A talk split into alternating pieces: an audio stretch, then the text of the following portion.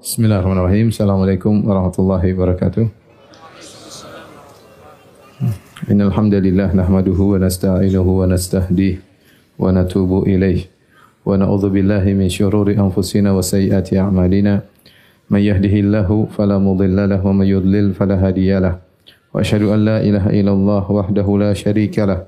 Wa asyhadu anna Muhammadan abduhu wa rasuluhu la nabiyya ba'dahu.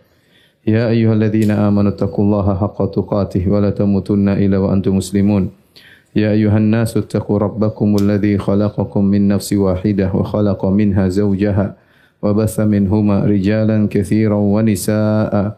واتقوا الله الذي تساءلون به والأرحام. إن الله كان عليكم رقيبا. يا أيها الذين آمنوا اتقوا الله وقولوا قولا سديدا. يصلح لكم أعمالكم. ويغفر لكم ذنوبكم ومن يطع الله ورسوله فقد فاز فوزا عظيما أما بعد فإن أصدق الحديث كتاب الله وخير الهدى هدى محمد صلى الله عليه وسلم وشر الأمور محدثاتها وكل محدثة بدعة وكل بدعة ضلالة وكل ضلالة في النار Hadirin hadirat yang dirahmati oleh Allah Subhanahu wa taala. Insyaallah pada mulai pertemuan kali ini kita akan bahas tentang perang uh, Badar ya. Yang dikenal dengan Ghazwat Badar Al-Kubra ya. Yang perang ini adalah terjadi pada hari Jumat tanggal 17 Ramadan tahun kedua Hijriah. Dan perang ini adalah perang yang sangat istimewa dibandingkan dengan perang-perang yang lain. Oleh karenanya Allah menamakan perang ini dengan Yaumal Furqan, hari pembeda. Sebagaimana Allah berfirman, "In kuntum amantum billahi wa ma anzalna ala 'abdina yaumal furqani yaumal taqal jam'an." Ya yaumul furqan hari pembeda pembeda antara hak dan batil hari penentu ya. Yaumul taqal jam'an hari di mana bertemu antara dua pasukan pasukan tauhid dengan pasukan kesyirikan. Oleh karenanya uh, perang ini memiliki keistimewaan. Di antaranya para peserta perang Badar diberi gelar dengan Al-Badri dengan Al-Badri ya.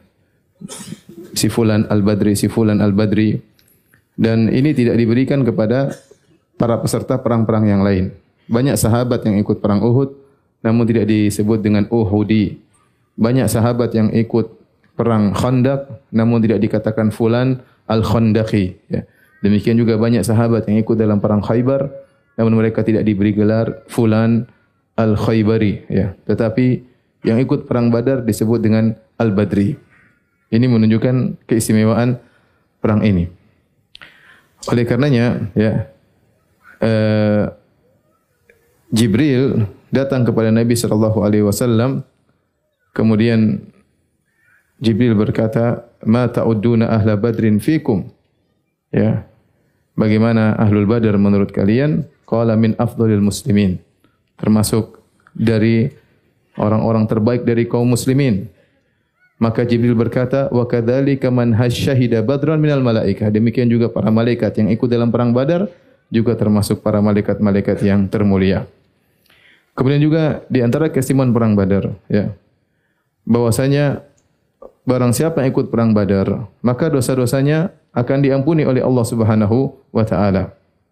Sebagaimana kisah yang masyhur dari sahabat Hatib bin Abi Balta'ah radhiyallahu taala anhu dan dia adalah seorang yang ikut perang Badar. Dan perang Badar tadi kita sebutkan terjadi pada tahun 2 Hijriah.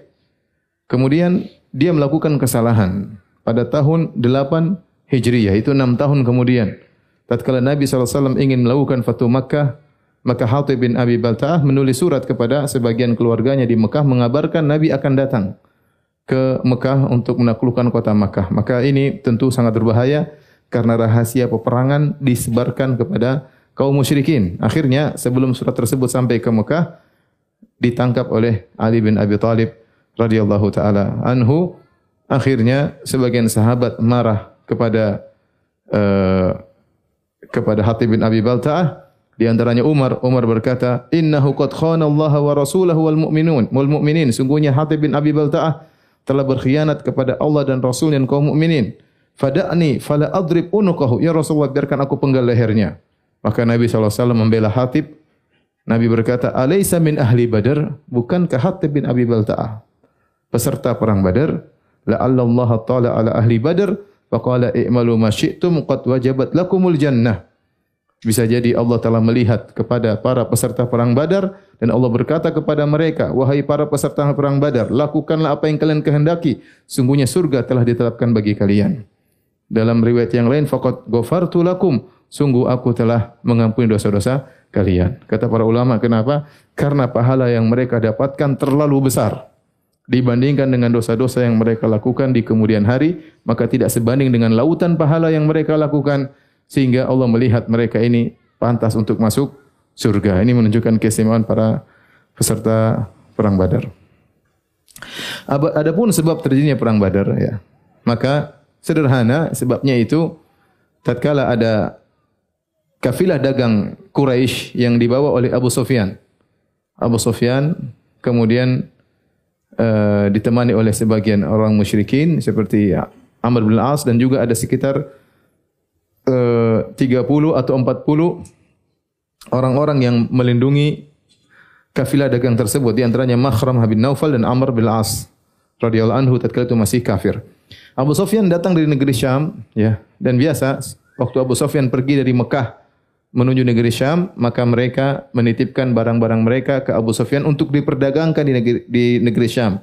Sekarang dia pulang bawa keuntungan, bawa pulang menuju ke Mekah. Tetapi sebagaimana sering kita jelaskan, bahwasanya sebelah utara negeri Syam, kemudian kota Madinah baru Mekah. Sehingga kalau Abu Sufyan ingin pergi pulang ke Mekah, dia mesti melewati apa? Areal kota Madinah. Maka waktu itu dia bawa harta yang sangat banyak, disebutkan kafilah dagangnya membawa seribu ekor onta. Kemudian harta yang dia bawa adalah lima puluh ribu dinar. 50 ribu dinar. Satu dinar kalau dikonversikan sekarang 4 seperempat gram emas. 4 seperempat gram emas. Berarti kalau 50 ribu dinar sekitar 200 ribu gram emas lebih. Paling tidak 200 kilogram apa? Emas. Jadi barang yang dibawa sangat banyak. 1000 ekor onta, 200 kilogram apa? Emas. Lumayan enggak? Banyak ya. Dan kenapa? Kata karena semua orang orang-orang Quraisy mereka nitipkan perdagangan mereka kepada Abu Sufyan.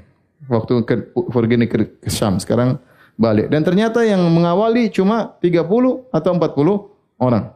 Tatkala Nabi SAW mendengar kabar Abu Sufyan datang dari negeri Syam dengan bawa harta yang sangat banyak, maka Nabi SAW memotivasi para sahabat untuk mengambil harta tersebut. Kenapa? Karena peperangan telah terjadi antara kaum Quraisy dengan dengan kaum muslimin. Ya. Karena sebagian misalnya saya orientalis mengatakan lihat Muhammad merampok ya. Ya, kalau dalam tanda kutip kesannya Nabi merampok apa? Kafilah dagang Abu Sufyan. Namun ini tidak benar. Kenapa? Karena ini lagi perang. Pertama, yang kedua, Nabi SAW dan para sahabat harta mereka sudah dirampok lebih dahulu oleh siapa? Orang-orang Quraisy. Bukankah para sahabat berhijrah meninggalkan harta mereka, meninggalkan rumah mereka, meninggalkan kebun-kebun mereka, meninggalkan seluruh yang mereka miliki. Mereka harus terusir meninggalkan kota Mekah menuju kota Madinah. Apa yang dibawa oleh Abu Sufyan tidak sebanding dengan apa yang mereka tinggalkan. Lagi pula ini suasana perang. Makanya tidak seorang pun dari mereka mengatakan Muhammad perampok. Tidak ada. Orang-orang Quraisy sadar kali ini suasana apa? Perang. Kalau perang jangankan harta orang pun bisa dibunuh. Apalagi harta. Oleh karenanya jangan dengar syubhatnya orang-orang orientalis Muhammad uh, perampok. Itu bilang tidak benar kondisinya bukan kondisi rampok merampok tapi ini kondisi apa? peperangan. Lagi pula kaum muslimin sudah dirampok sebelumnya oleh Abu Jahal CS ya. Taib, apa kata Nabi sallallahu alaihi wasallam kepada para sahabat? Hadhihi airu Quraisyin, wahai para sahabatku.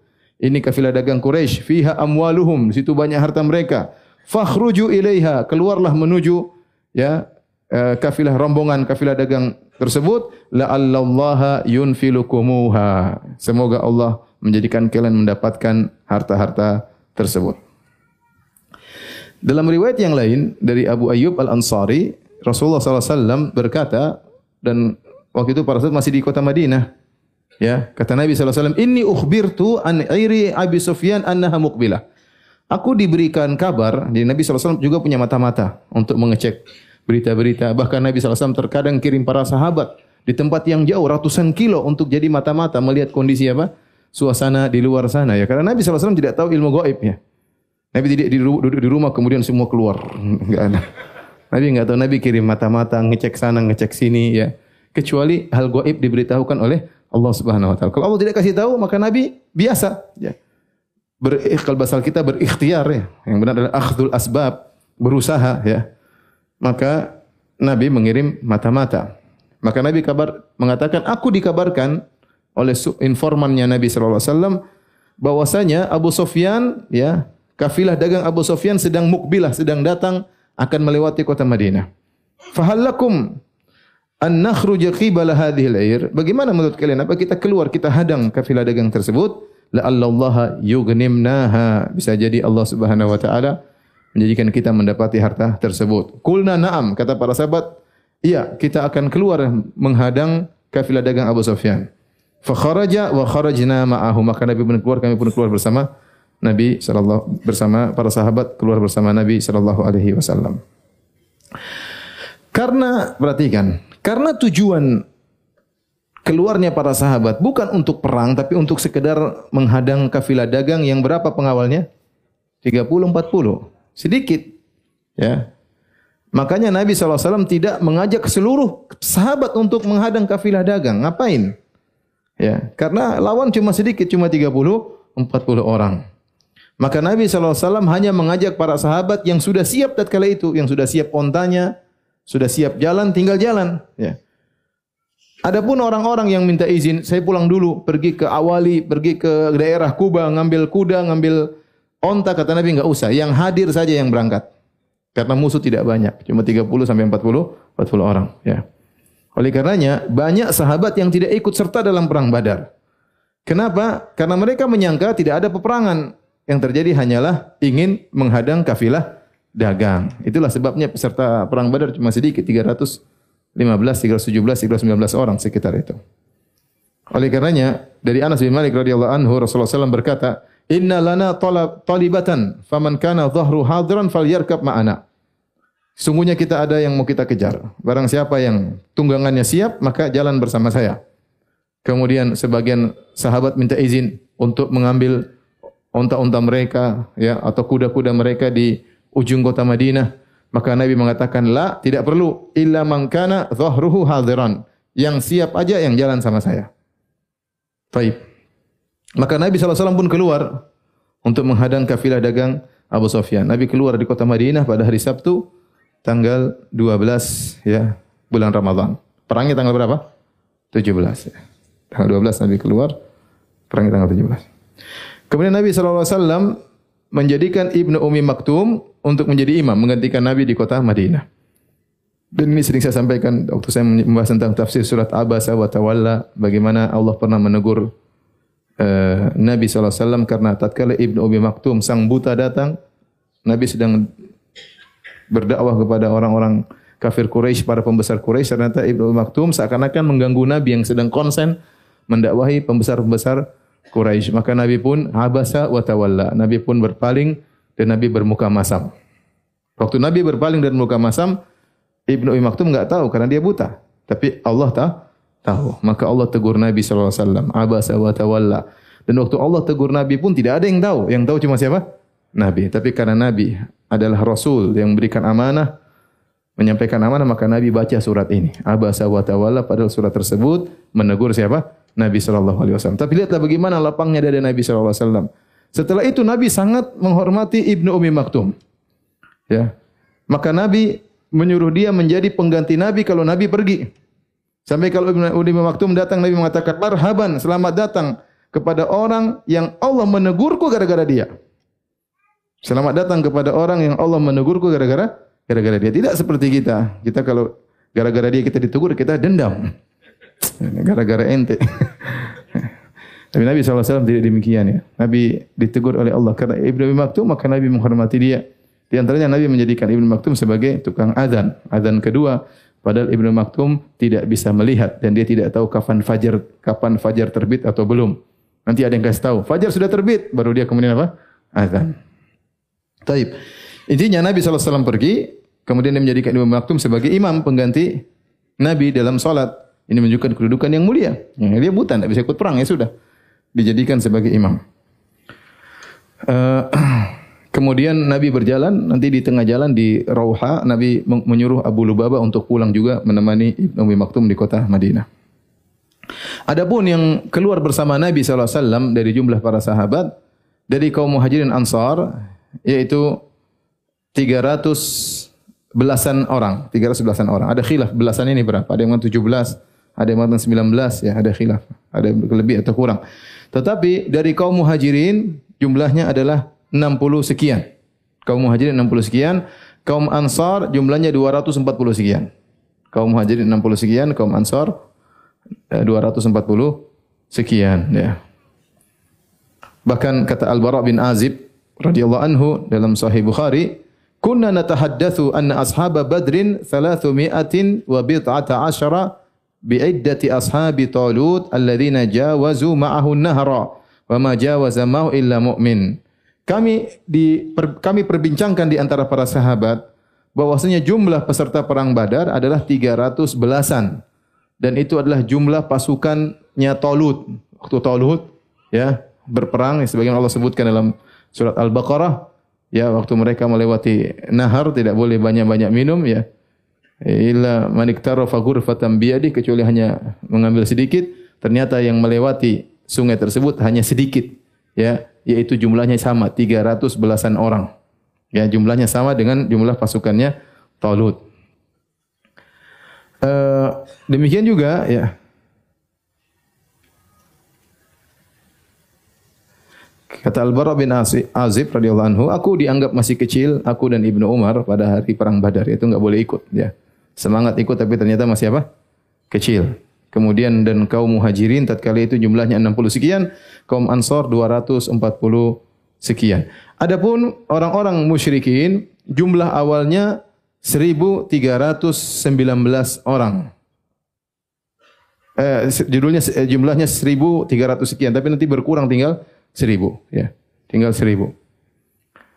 Adapun kaum muslimin dalam sebagian riwayat 300 belasan ada yang mengatakan 319 19 orang. Yang paling banyak dari kaum Ansar adalah suku Khazraj. Yang paling banyak dari kaum Ansar suku Khazraj. Kenapa? Karena suku Aus kebanyakannya tinggalnya di penghujung kota Madinah. Sehingga mereka tidak ikut serta karena unta mereka di ujung kota Madinah, kuda mereka di ujung kota Madinah dan Nabi mengatakan yang kudanya untanya jauh enggak usah ikut, yang ikut yang hadir saja yang sudah yang sudah siap. Uh, banyak sahabat yang tidak ikut perang Badar karena ada uzur ya. Banyak ya. Secara umum tidak ada yang dicela, tidak ada yang dicela tatkala tidak ikut perang Badar ya. Karena Nabi tidak sedang berperang, rencananya hanya untuk menghadang kafilah dagang. Maka sahabat yang tidak ikut perang Badar tidak ada yang dicela. Berbeda seperti perang Tabuk yang enggak ikut dicela oleh Nabi sallallahu alaihi wasallam. Kenapa? Karena Nabi akan berperang melawan Romawi yang jumlahnya mungkin ratusan ribu ya, maka semuanya harus berangkat. Ketika Ka'ab bin Malik tidak ikut radhiyallahu anhu maka dia dicela, diboikot oleh para sahabat. Adapun perang Badar, perang Badar tidak ikut enggak ada masalah, ya. Namun ada sebagian sahabat yang ingin ikut namun mereka juga beruzur ya. Di antara uzur saya sudah katakan tadi karena uh, kudanya jauh ya. Karena kudanya jauh, ontanya jauh.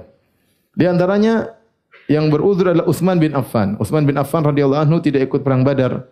Kenapa dia ingin berangkat tapi Nabi SAW menugaskan dia untuk mengurus istrinya dan istrinya adalah putri Nabi Ruqayyah bintu Rasulullah sallallahu alaihi wasallam. Waktu Ruqayyah dalam kondisi sakit. Maka yang ngurus Ruqayyah adalah Utsman bin Affan sampai akhirnya Ruqayyah meninggal meninggal dunia. Oleh karenanya dia menjalankan perintah Nabi SAW tidak ikut perang badar karena ngurus istrinya. Maka Nabi berkata, Inna laka ajra rajulin mimman syahida badran wa sahmahu. Sungguhnya kau mendapatkan pahala seperti orang ikut perang Badar dan kau juga dapat bagian ya gonima dari yang diraih dalam diperoleh dari perang perang Badar ya.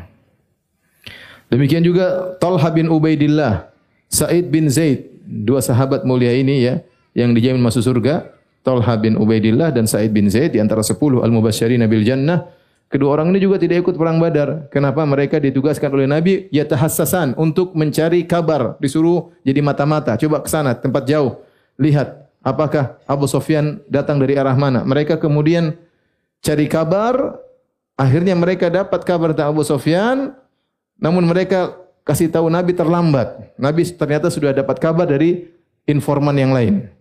Akhirnya Nabi sudah berangkat menuju ke perang Badar sementara mereka baru datang terlambat sehingga mereka tidak ikut apa? Perang Badar. Ini juga dalil bahwa saya katakan tadi Nabi tidak tahu ilmu gaib, Nabi menyuruh mata-matanya untuk mengecek ya. Demikian juga Abu Lubabah Ibnu Abdul Munzir Al-Ansari dia juga tidak ikut perang Badar, dia sudah berjalan tapi sampai ke Rauha Nabi suruh pulang untuk urusin kota Madinah.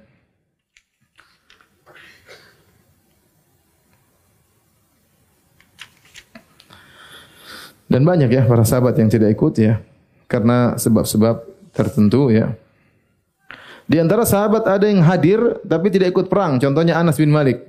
Anas bin Malik radhiyallahu anhu dia ikut dalam perang Badar tapi dia bertugas menjadi khadim Rasulullah sallallahu alaihi wasallam yaitu pelayan Nabi sallallahu alaihi wasallam. Artinya dia tidak angkat tidak angkat senjata untuk berperang melawan uh, orang-orang musyrikin.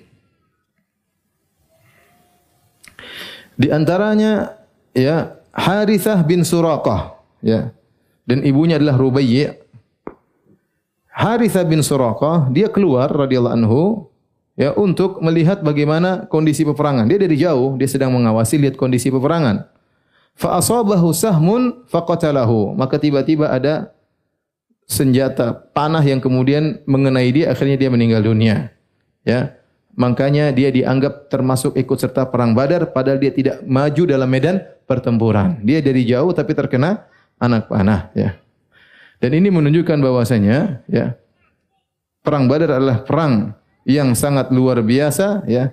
Sampai seseorang yang tidak ikut dalam peperangan hanya sekedar di pinggiran peperangan terkena panah asing kemudian kena dia kemudian meninggal dunia tetap dianggap sebagai peserta perang Badar ya. Apalagi yang ikut serta dalam perang Badar secara langsung ya. Baik.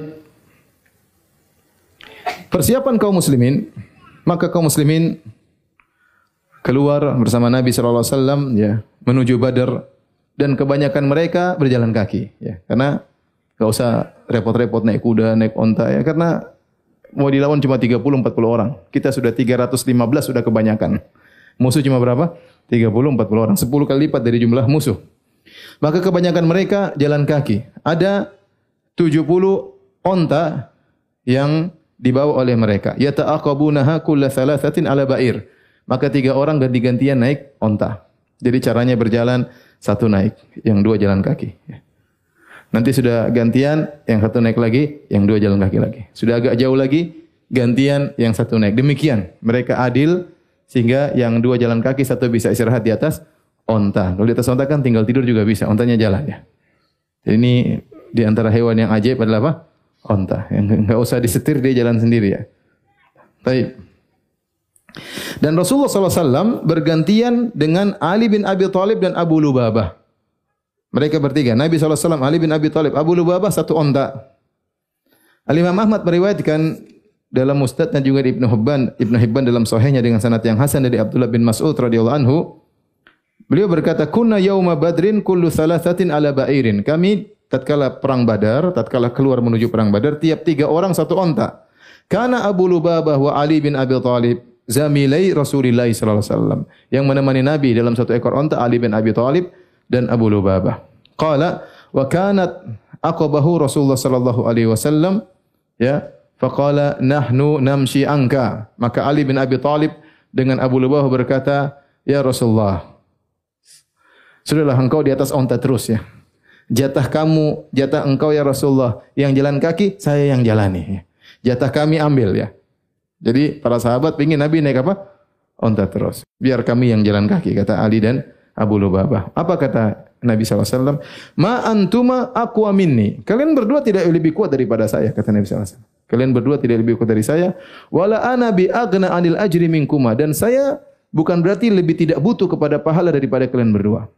Artinya dia mengatakan kalian butuh pahala, saya juga butuh pahala. Ya. Maka kita gantian aja. Subhanallah.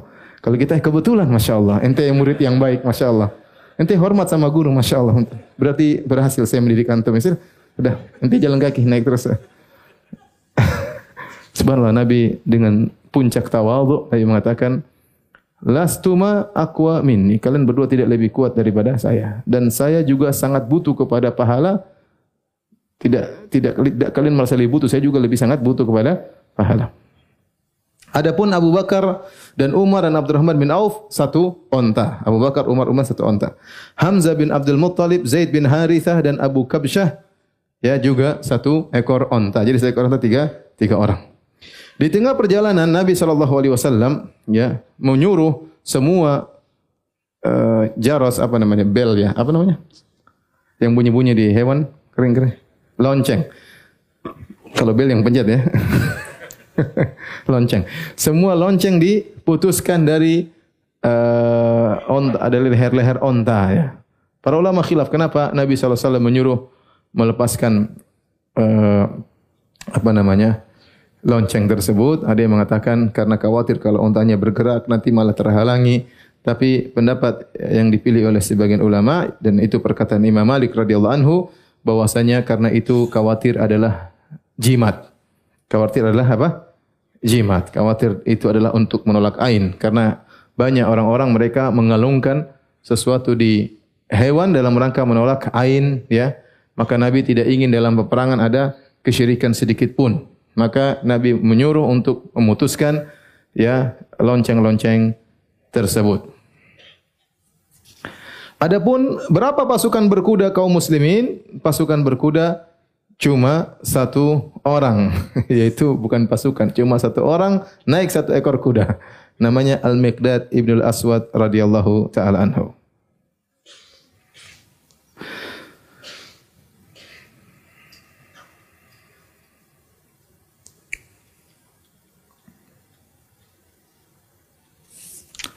Kemudian di tengah perjalanan Nabi SAW, Nabi mengecek pasukan. Dicek istiarat namanya dicek. Suruh baris Nabi periksa satu-satu. Ya. Tatkala Nabi tiba di Bi'r Abi Ainabah maka Nabi SAW lihat yang masih kecil suruh pulang. Yang masih kecil suruh pulang. Di antara sahabat-sahabat kecil yang semangat ikut perang disuruh pulang oleh Nabi SAW di antaranya Usama bin Zaid masih kecil. Belum balik suruh pulang. Abdullah bin Umar Ibnu Umar suruh pulang Al-Bara bin Azib suruh pulang semua sahabat-sahabat junior Rafi bin Khadij masih kecil suruh pulang. Usaid bin Zuhair suruh pulang. Zaid bin Arqam masih kecil suruh pulang. Zaid bin Thabit masih kecil suruh apa? Pulang. Subhanallah. Lihat para sahabat, anak-anak mereka kecil-kecil sudah ingin berjuang untuk apa? Islam. Semangat berperang, semangat bertempur. Anak-anak kita sebagian juga semangat bertempur. Game online tapi. Beda antara pendidikan mereka dengan pendidikan kita ya. Intinya akhirnya disuruh pulang oleh Nabi sallallahu alaihi wasallam. Kata di antaranya kata Al-Bara bin Azib ya. Ustusghirtu ana wa Ibnu Umar yaum Badar. Aku dianggap masih kecil dan Ibnu Umar ketika perang Badar kami tidak boleh tidak boleh ikut. Dan ada seorang sahabat namanya Umair bin Abi Waqqas. Itu saudaranya Sa'ad bin Abi Waqqas ya. Dia juga disuruh pulang. Di antara anak kecil yang suruh pulang, antaranya di antaranya Umair bin Abi Waqqas. Ya. Dia mungkin sudah balik, tapi di antara yang lain dia masih kecil. Suruh pulang aja. Kita sudah banyak yang dewasa-dewasa. Maka dia pun menangis setelah disuruh pulang. Akhirnya Rasulullah SAW pun suruh dia ikut. Akhirnya dia meninggal dalam perang Badar. Ceritanya bagaimana? Saat bin Abi Waqqas berkata, Ra'aitu akhi Umairan qabla an an ya'ridana Rasulullah SAW bil khuruji ila Badrin yatawara. Aku melihat saudaraku Umair waktu sebelum Nabi periksa, dia sembunyi-sembunyi di belakang. Sembunyi-sembunyi di belakang.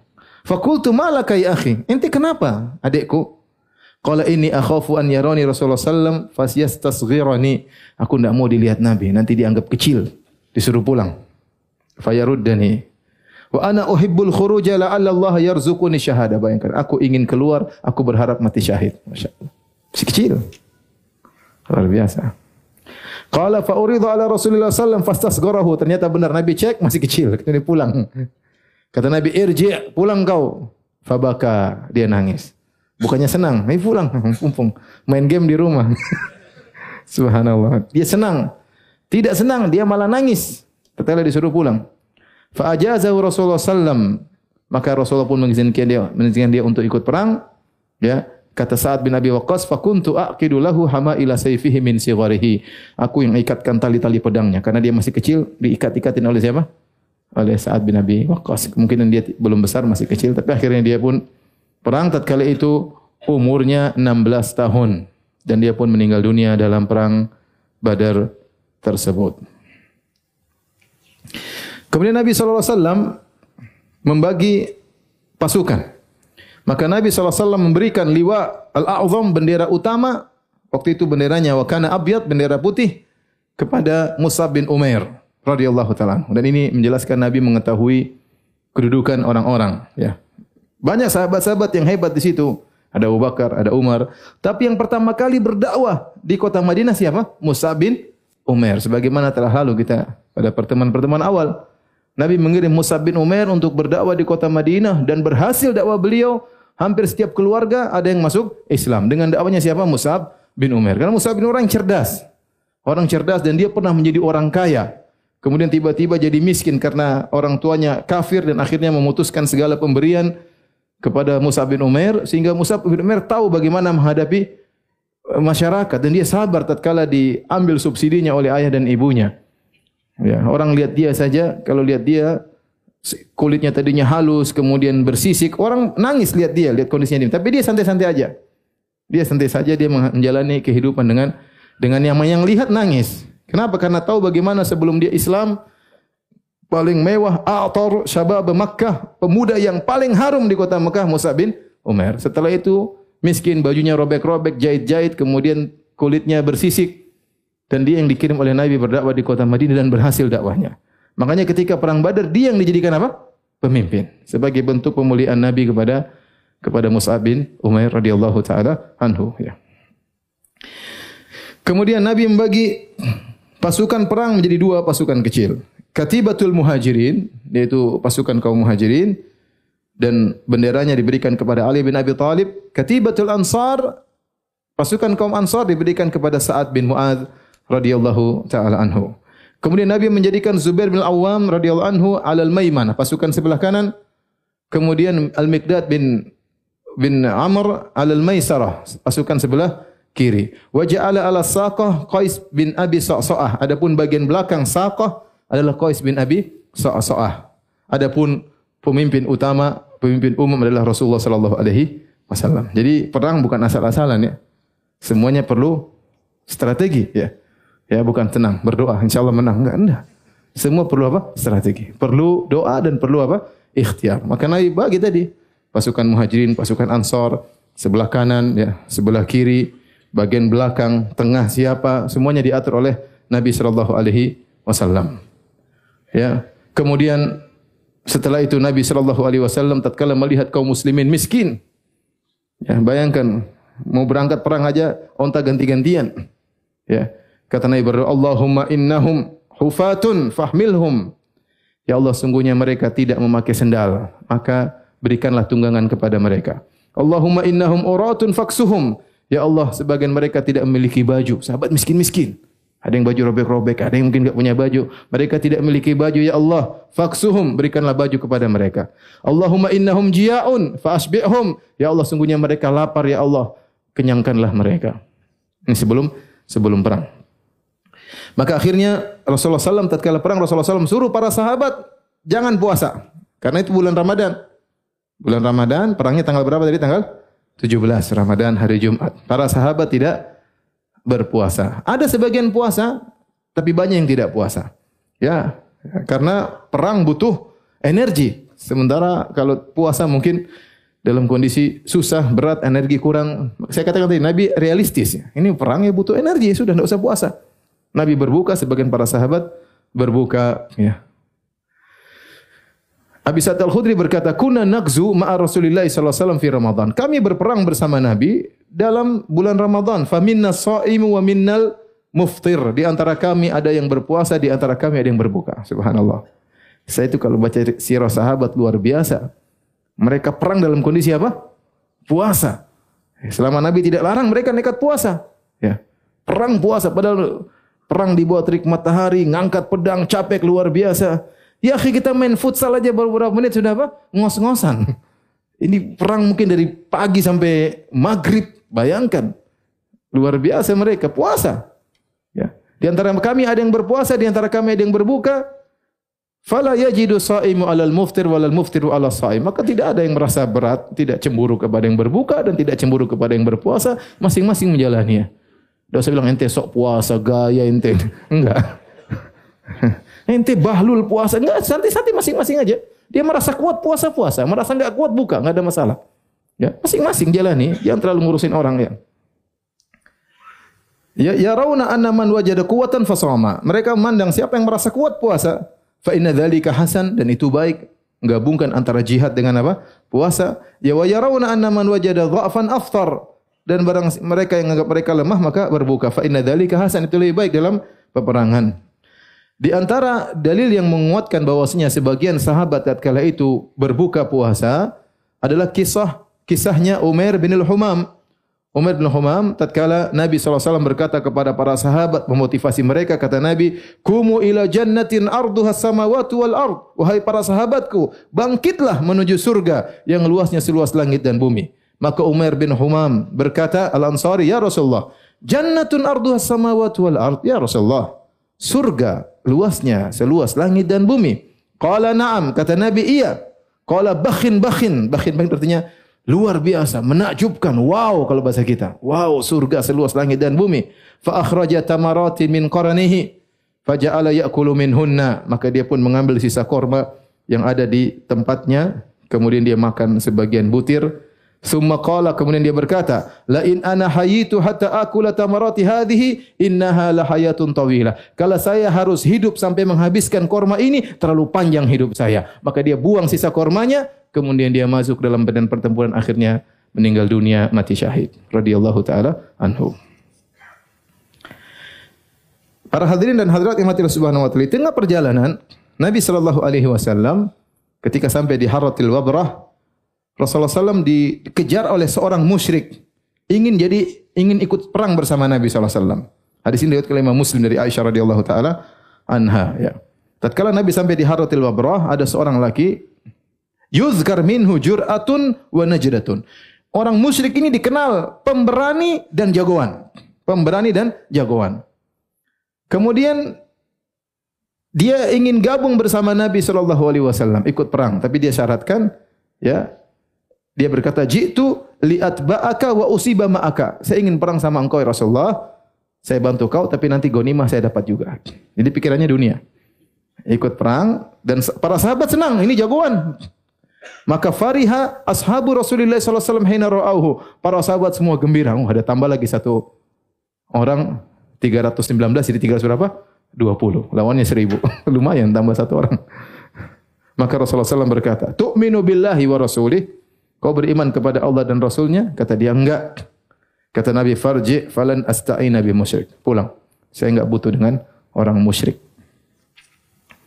Suma mada, kemudian Nabi jalan dengan pasukannya. Hatta idha kunna bi syajarah. Kami tiba suatu tempat namanya syajarah. Orang itu datang lagi. Dia berkata, ya Rasulullah, izinkan saya ikut dengan engkau, saya dapat ghanimah juga. Rasulullah SAW katakan lagi, Tu'minu billahi wa rasulih, kau beriman kepada Allah Rasulnya, kata dia, enggak. Kata Nabi, irji' fa inna la nasta'in bil musyrik. Pulang. Saya tidak butuh dengan orang musyrik. Kemudian Nabi jalan lagi. Sampai kami di Baida, datang lagi dia. Dia bilang lagi, ya Rasul, ikut, dapat ghanimah. Kata Nabi, tu'minu billahi wa rasulih, kau ingin beriman kepada Rasulnya? Kata dia, na'am, ya saya beriman. Faqala lahu Rasulullah SAW, kata Nabi, intalik, ayo jalan. Maka jalanlah dia, dan akhirnya dia mati syahid di situ. Ya.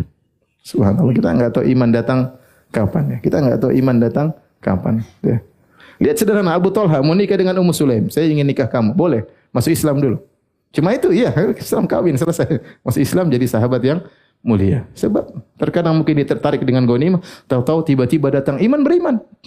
Perang meninggal dunia mati syahid selesai.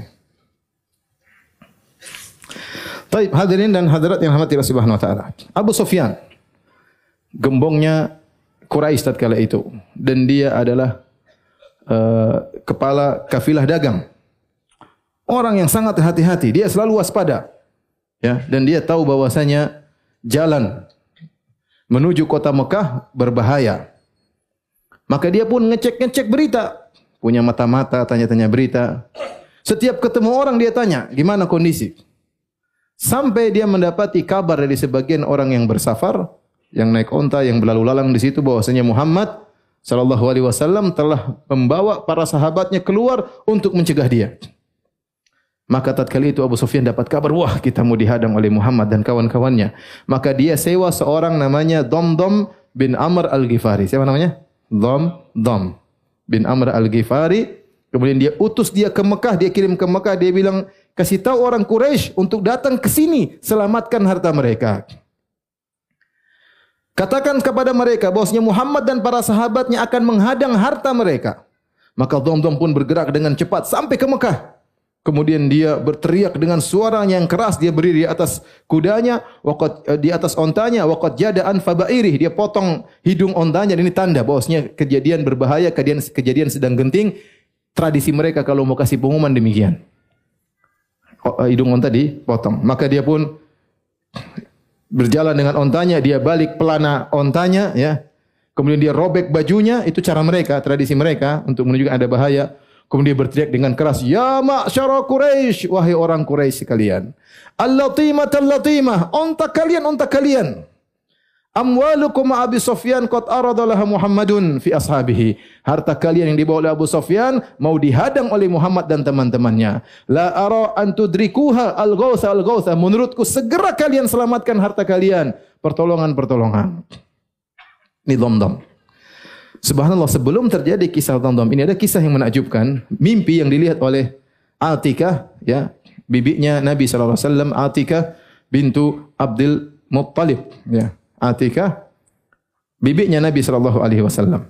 Hadis ini hadis riwayat dengan banyak jalan tapi dhaif semua sebenarnya mengatakan terangkat derajatnya menjadi hadis hasan karena banyak riwayatnya meskipun dhaif semua tetapi bisa menjadi hasan kalau dhaifnya tidak terlalu parah. Maka Atika melihat dalam mimpinya dan dia musyrikah waktu itu masih musyrik, belum masuk Islam. Melihat mimpi yang buat dia takut dan dia khawatir. Maka dia pun panggil saudaranya Al-Abbas bin Abdul Muttalib, omnya Nabi, pamannya Nabi dan juga masih musyrik tatkala itu. Ya, omnya Nabi masih musyrik. Yang masuk Islam cuma siapa? Ham Hamzah. Ya. Al-Abbas masih musyrik. Abu Lahab masih musyrik. Ya. Dan tidak akan masuk Islam. Taib. Al-Abbas bin Abdul Muttalib masih musyrik. Kemudian dia kirim, panggil dia berkata kepada saudaranya, mereka kakak beradik, kata Atikah, Ya akhi, wahai saudaraku, Wallahi laqad ra'aitu laylata ru'ya afdha'atni. Sungguh tadi malam saya lihat suatu mimpi yang membuat aku takut. Wa takhawaftu an yadkhula ala qaumika minha syarrun wa musibah. Saya khawatir gara-gara mimpi ini mengisyaratkan bahwasanya kaummu kaum Quraisy akan terkena keburukan dan musibah. Faktum anni ma uhaddithuka bihi wahai Al-Abbas jangan kau cerita sama orang lain ini rahasia kita berdua jangan cerita sama orang lain faqala laha kata Al-Abbas wa ma ra'ait apa yang kau lihat dalam mimpimu? Kata dia ra'aitu raqiban aqbala ala ba'irin lahu. Aku melihat ada orang datang naik ontanya hatta waqafa bil addah kemudian dia berdiri di lembah abtah. Kemudian dia berteriak dengan suara yang paling keras ala infiru ya ala gudrin lima sari'ikum fi thalas dia berteriak wahai tukang khianat, pergilah kalian tiga hari lagi menuju kebinasaan kalian. Mimpinya demikian. Orang naik onta, kemudian berteriak dengan suara keras kasih pengumuman. Pengumumannya, wahai ahla gudrin, wahai orang tukang berkhianat, pergilah dalam tiga hari menuju tempat kebinasaan apa? Kalian. Faro'a fa'aron nasa ijtama'u ilaihi. Maka orang-orang pun berkumpul di sekelilingnya. Thumma dakhala al-masjid wan nas yatabi'u yattabi'unahu. Maka dia pun masuk Masjidil Haram, orang-orang semua ikut dia. Fa bainahum hawlahu mathala bihi ba'iruhu ala dhahri al-Ka'bah thumma saraha bimithliha ala infiru ya ala gudrin. Maka dia pun naik di atas ontanya dan dia berteriak lagi, "Wahai, pergilah kalian orang-orang yang pengkhianat menuju kebinasaan kalian." tempat kebinasan kalian. Thumma akhadha sakhratan fa arsalaha fa tahwi hatta idza kanat bi asfalil jabal irfaddat. Kemudian dia ambil batu, dia lempar, batu tersebut jatuh, kemudian batu tersebut pecah. Fama baqiya baitun min buyuti Makkah wala darun illa dakhalatha minhu filqatun. Maka pecahan itu semuanya masuk di semua rumah yang ada di kota Mekah. Orang Quraisy semuanya semuanya kemasukan batu tersebut. Jadi Atikah tahu ini mimpi menunjukkan akan ada musibah dan setiap rumah akan merasakan musibah tersebut karena pecahannya masuk ke seluruh rumah orang-orang Quraisy. Maka Labas yang masih musyrik juga berkata, Innaha wallahi innaha idila ruya. Wallahi demi Allah, ini benar-benar mimpi. Fa anti faktumiha. Enti jangan cerita sama orang ya. Wahai Atika jangan sama orang. Wala tadhkuri hal. Jangan cerita sama seorang pun. Kemudian Al-Abbas keluar. Tapi dia gelisah mau cerita. dia ketemulah dengan Al-Walid bin Utbah bin Rabi'ah. Temannya. Maka dia cerita. Eh, Atika mimpi begini, begini, begini. Diam, jangan cerita sama orang ya. Kata Walid, ini saya enggak cerita. Kemudian akhirnya sudah tersebar. Ya, makanya kalau rahasia sudah keluar dua, dua orang, ada yang mengatakan ada apa? Ida jawazal jawazal isnain, ada yang mengatakan sudah melewati dua orang sudah selesai. Ada yang mengatakan sudah keluar bibir, dua bibir selesai, enggak akan ada tersimpan. Makanya orang bilang sama saya Ustaz, ini rahasia jangan cerita. Eh, saya enggak mau. Ente simpan aja sendiri. Ente aja menderita tidak mau. Jangan pindahkan penderitaan kepada saya. Ente simpan sini. Saya tidak mau dengar rahasia. Enggak mau. Karena susah menjaga rahasia. Ingin cerita ke orang. Akhirnya kabar berita pun tersebar di mana-mana. Taib azan ya? Belum ya? Kemudian kata Labas, aku pun pergi untuk tawaf di Ka'bah. Itu orang-orang musyrikin, mereka juga tawaf. Ya. Wa Abu Jahal bin Hisham fi rahtin min Quraisy qu'udun yatahaddatsuna bi ru'ya Atika. Ternyata Abu Jahal seperti biasa lagi duduk di tempat nongkrongnya di sisi Ka'bah. Baik, silakan azan.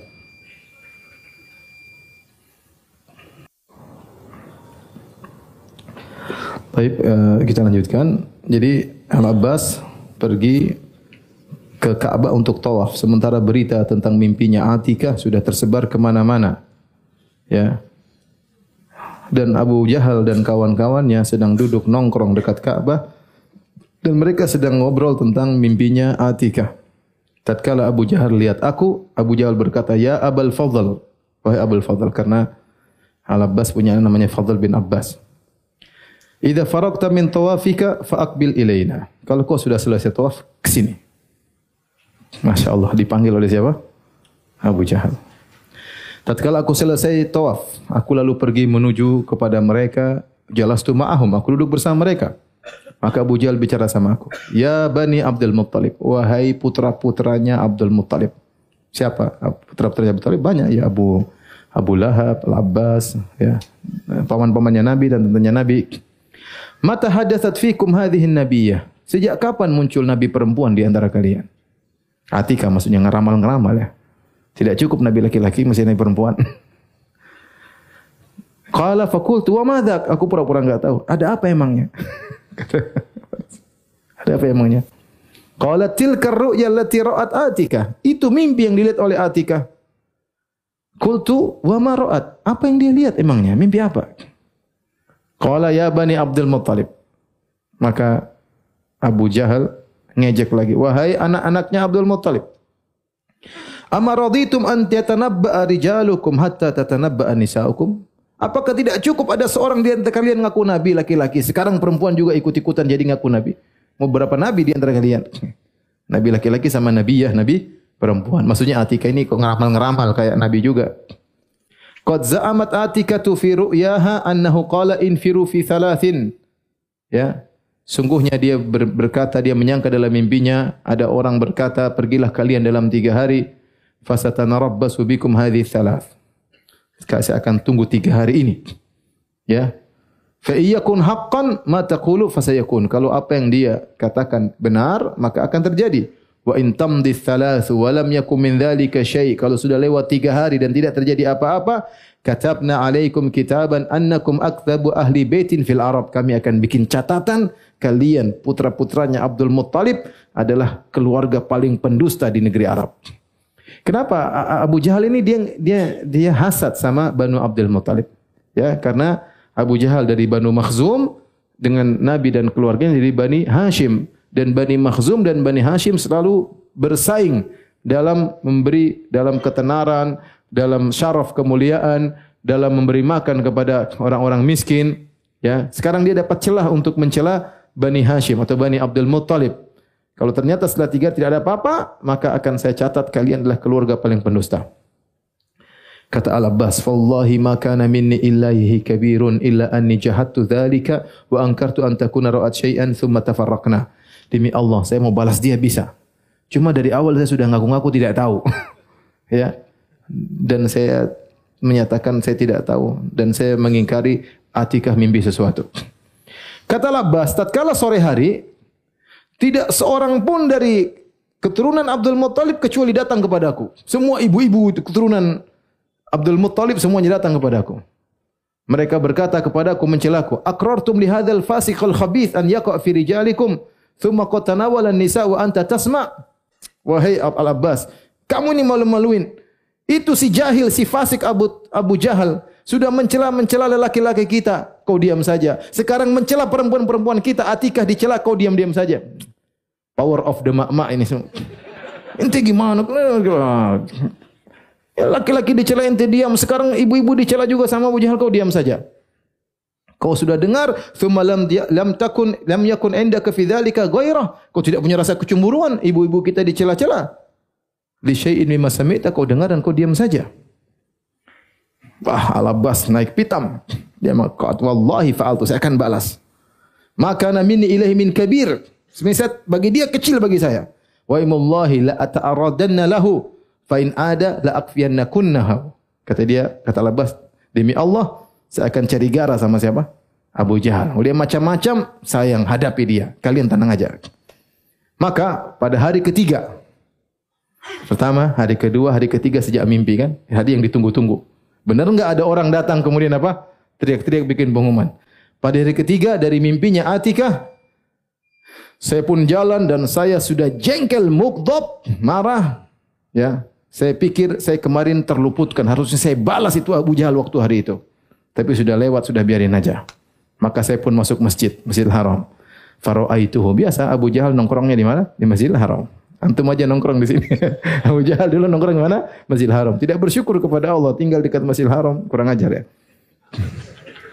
Fawallahi inni la amshi wa nahwa ata'arraduhu. Demi Allah saya akan jalan menuju Abu Jahal cari gara sama dia. Liya'uda bi li ba'dhi ma qala fa aqabihi. Saya ingin cari gara biar dia ngomong seperti kemarin kemudian saya balas dia. Wa kana rajulan khafifan. Abu Jahal ni orangnya kurus. Hadidal wajah, wajahnya tajam, enggak tahu kayak apa maksudnya. Hadidal lisan, lisannya tajam. Kurus krempeng, tajam mukanya, tajam lisannya. Hadidan nazar, pandangannya juga apa? Tajam. Masya Allah. Qal, idh kharaja nahwa babal masjid. Tiba-tiba saya menuju dia, dia pergi ke pintu keluar masjid. Saya menuju dia, dia pergi. Ini kemana dia? Yastadus, buru-buru. Fakultu fi nafsi, ma lahu la'anahullah. Kenapa dia menjauh dariku? Semoga Allah melaknatnya. Aku lu hadha farakun minni an ushatimahu. Kenapa dia takut saya maki-maki dia? Wa idha huwa qad sami'a ma lam asma' tiba-tiba dia keluar pintu karena dengar ada kasih pengumuman. Siapa tadi? Dom-dom Al-Ghifari tadi. Tiba-tiba datang Dom-dom bin Amr Al-Ghifari dan dia berteriak di tengah-tengah wadi berdiri di atas ontanya dan dia telah memotong hidung dari ontanya dan dia telah balik apa namanya pelana ontanya dan dia telah robek bajunya dan dia berkata ya ma'syara quraisy Ya ma'syara Quraisy latimah latimah wahai orang Quraisy selamatkan unta-unta kalian. Amwalukum ma Abi Sufyan qad aradalah Muhammadun fi ashabihi. Harta kalian bersama Abu Sufyan mau dihadang mau diambil oleh Muhammad dan teman-temannya. Segera selamatkan pertolongan-pertolongan. Kata Al-Abbas ini Abu Jahal anhu. Ya, aku tidak mikir dom-dom, aku sibuk Abu Jahal. Ke mana dia? Dan Abu Jahal juga tidak mikir aku, dia sibuk dengan dom-dom. Enggak ketemu. Kemudian faziat Quraisyun asyaddal faza tatkala mendengar berita tersebut padahal mimpi sebelumnya sudah ramai mereka pun sangat ketakutan dan mereka khawatir apa yang dimimpikan oleh Atikah terjadi mereka akan menuju kebinasaan tapi demikian saja kajian kita mohon maaf banyak pertanyaan. Disimpan aja dua minggu lagi ya. Insyaallah nanti kalau ada waktu kita jawab. Subhanakallah bihamdik asyhadu an la ilaha illa anta astaghfiruka wa atubu ilaik. Assalamualaikum warahmatullahi wabarakatuh